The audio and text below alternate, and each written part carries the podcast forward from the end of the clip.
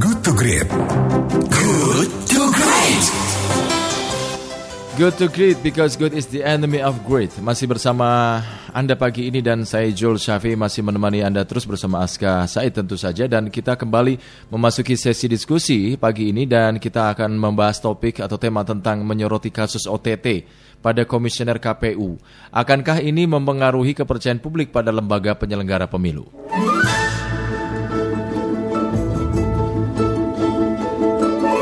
Sejumlah pihak menyatakan kaget atas ditangkapnya Komisioner KPU RI Wahyu Setiawan oleh KPK dalam OTT Operasi Tangkap Tangan Rabu lalu ya.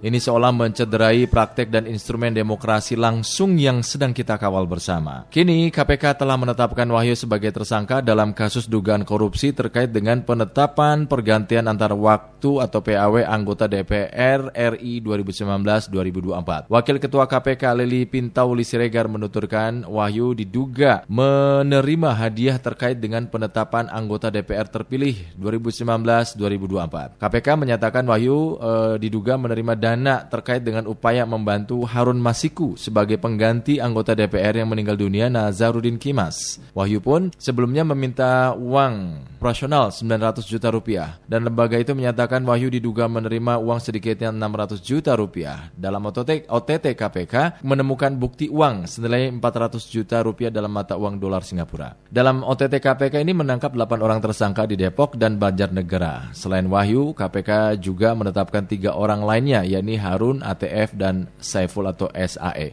Kita akan mendiskusikannya dengan narasumber kita yaitu Mbak Titi Anggraini, Direktur Eksekutif Perkumpulan untuk Pemilu dan Demokrasi Perludem.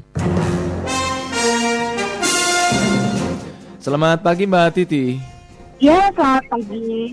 Apa kabar Mbak Titi? Uh, baik, alhamdulillah, insya Allah sehat. Amin, amin, amin.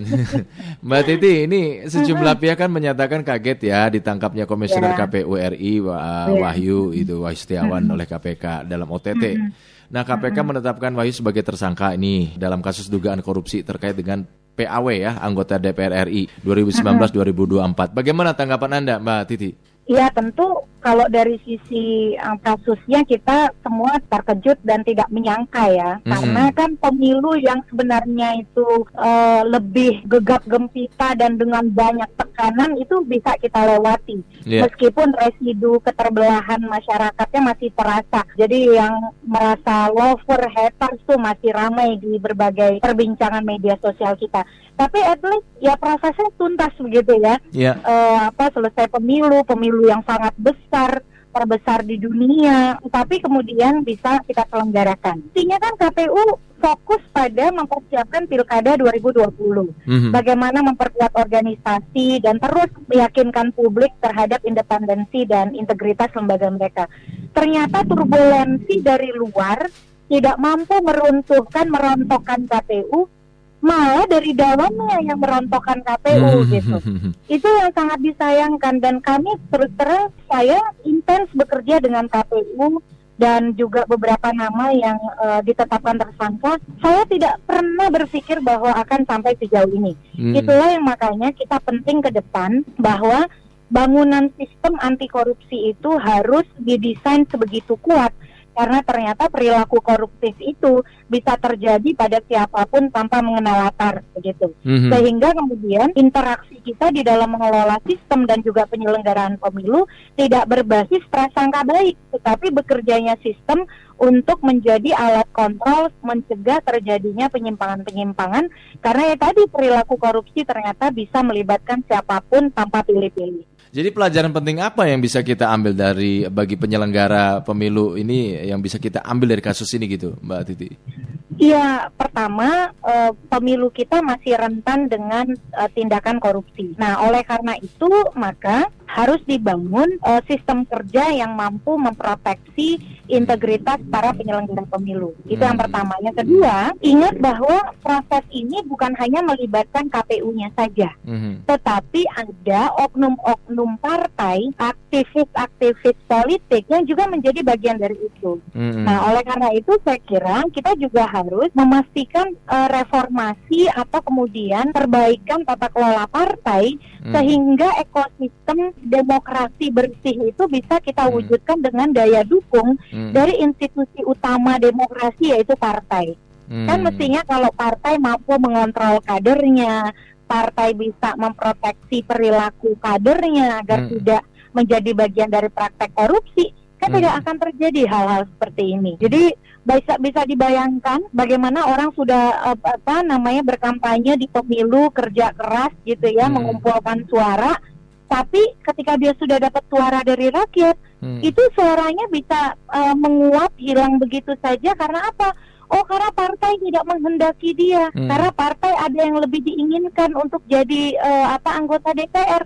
Hmm. Itu kan artinya mengkhianati rasa keadilan dan eh, praktek demokrasi yang berbasis suara rakyat. Hmm. Nah jadi yang kita harus lihat dari kasus ini, mari kita gunakan pendekatan yang holistik Hmm. bahwa ini bukan hanya soal KPU-nya saja, Hmm. tetapi ini juga soal partai politik kita dan Hmm. pentingnya kita mewujudkan eh, apa ekosistem demokrasi yang bersih Hmm. dan bahwa eh, praktik koruptif itu bisa terjadi pada si orang-orang yang kita tidak duga. Nah, oleh karena itu yang kita harus bangun sistem sehingga sistemlah yang kemudian eh, bekerja tidak mengenal siapa orang, dia akan memproteksi mengeliminir potensi terjadinya eh, kecurangan dan manipulasi. Dan kita juga harus lihat ya bahwa jangan kemudian peristiwa ini membuat kita eh, mengurangi kepercayaan terhadap praktik demokrasi. Hmm. Justru hal-hal seperti ini menandakan bahwa dengan demokrasi penyimpangan-penyimpangan itu lebih mudah untuk kita deteksi dan lakukan penegakan hukum. Kalau Iya. negara kita tidak demokratis, mungkin tidak akan pernah bisa terungkap tuh Iya. praktik-praktik koruptif seperti ini. Maunya kita kan memang tetap percaya ya, publik ma- inginnya percaya kepada lembaga penyelenggara pemilu. Tetapi Iya. dengan adanya kasus ini, apakah ini akan juga mempengaruhi kepercayaan publik pada penyelenggara pemilu gitu loh? Artinya, loh ini kemarin ditangkap komisioner Iya. KPU, berarti kan ada indikasi bahwa Iya. bisa saja terjadi lagi ke depan, misalkan Betul. seperti itu. Gimana menurut anda? Iya, itu tidak bisa dihindari karena itu konsekuensi logis. Jadi makanya kita punya pepatah karena nila setitik rusak susu sebelanga kan Iya. gitu. Mhm. Jadi kalau kita baca media sosial akhir-akhir ini itu kita sudah seperti berasa musim pilpres.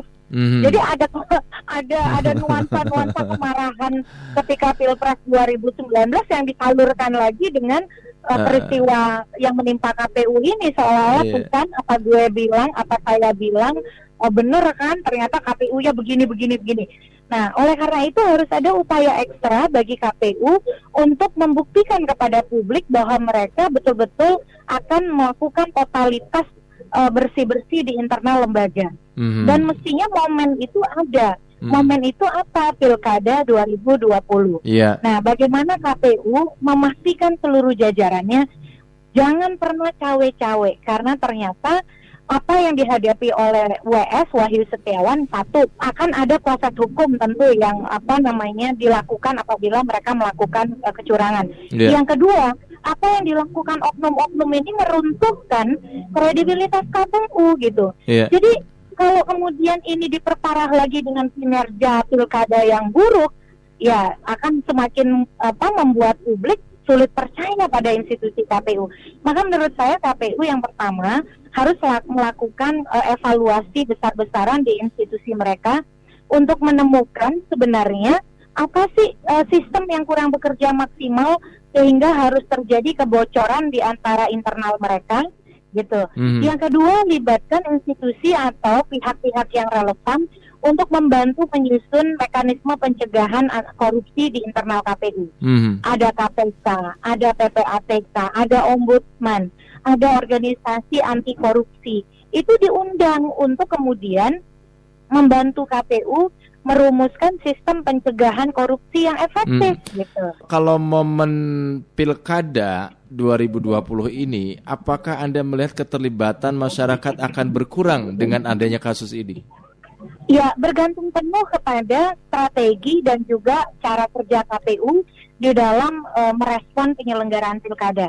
Justru kalau saya nilai KPU mestinya merebut momentum 2020 ini untuk mengembalikan kepercayaan masyarakat itu. Hmm. Walau apa angka partisipasi pemilih tidak sepenuhnya bergantung pada kinerja KPU ya, Iya. kualitas calon dan juga kondisi politik lokal itu kan juga ikut berkontribusi. Mhm. Tetapi kalau KPU mampu menunjukkan perilaku, lalu kemudian pendekatan, komunikasi yang baik kepada masyarakat, soal ketulusan, kesungguhan mereka untuk bersih-bersih total, menjaga integritas dan menyelenggarakan pilkada dengan baik, ya bu, justru mereka punya momentum untuk memulihkan kepercayaan masyarakat itu dengan lebih cepat. Mhm. Jadi menurut saya justru mereka harus keluar dari mentalitas eh, yang eh, merasa bahwa masyarakat itu akan eh, antipati dan lain sebagainya.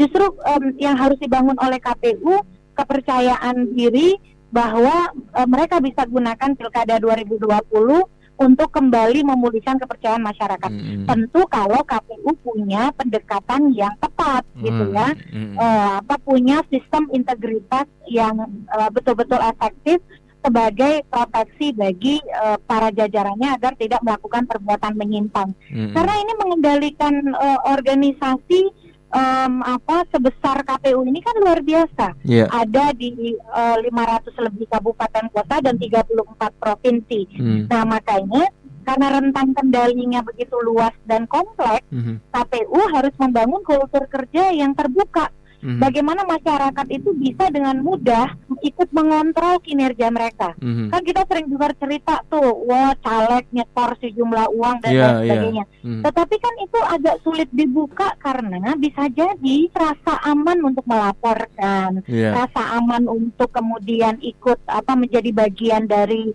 pencegahan itu belum tersedia. Mhm. Nah ini yang harus dikoreksi oleh KPU, bagaimana KPU kemudian di tengah rentang kendali yang luas, yang besar, yang kompleks, bisa menyediakan mekanisme kontrol yang aksesibel dan mudah oleh rakyat gitu. Hmm. Sehingga kultur kerjanya itu terbuka dan betul-betul transparan bagi bagi publik itu mudah sekali untuk tahu, wah kalau yang ini boleh, ini tidak Mhm. boleh, kalau ada yang dilanggar ke mana harus melapor, Iya. Nah, sehingga masyarakat pun melihat kesungguhan KPU bersih-bersih institusinya pasca kejadian OTT KPK. Hmm. Oh, baik. Mbak Titi terima kasih atas waktunya pagi ini kita ngobrol-ngobrol Mbak Titi. Baik. Ya, selamat pagi, kasih sukses untuk Anda. Mbak.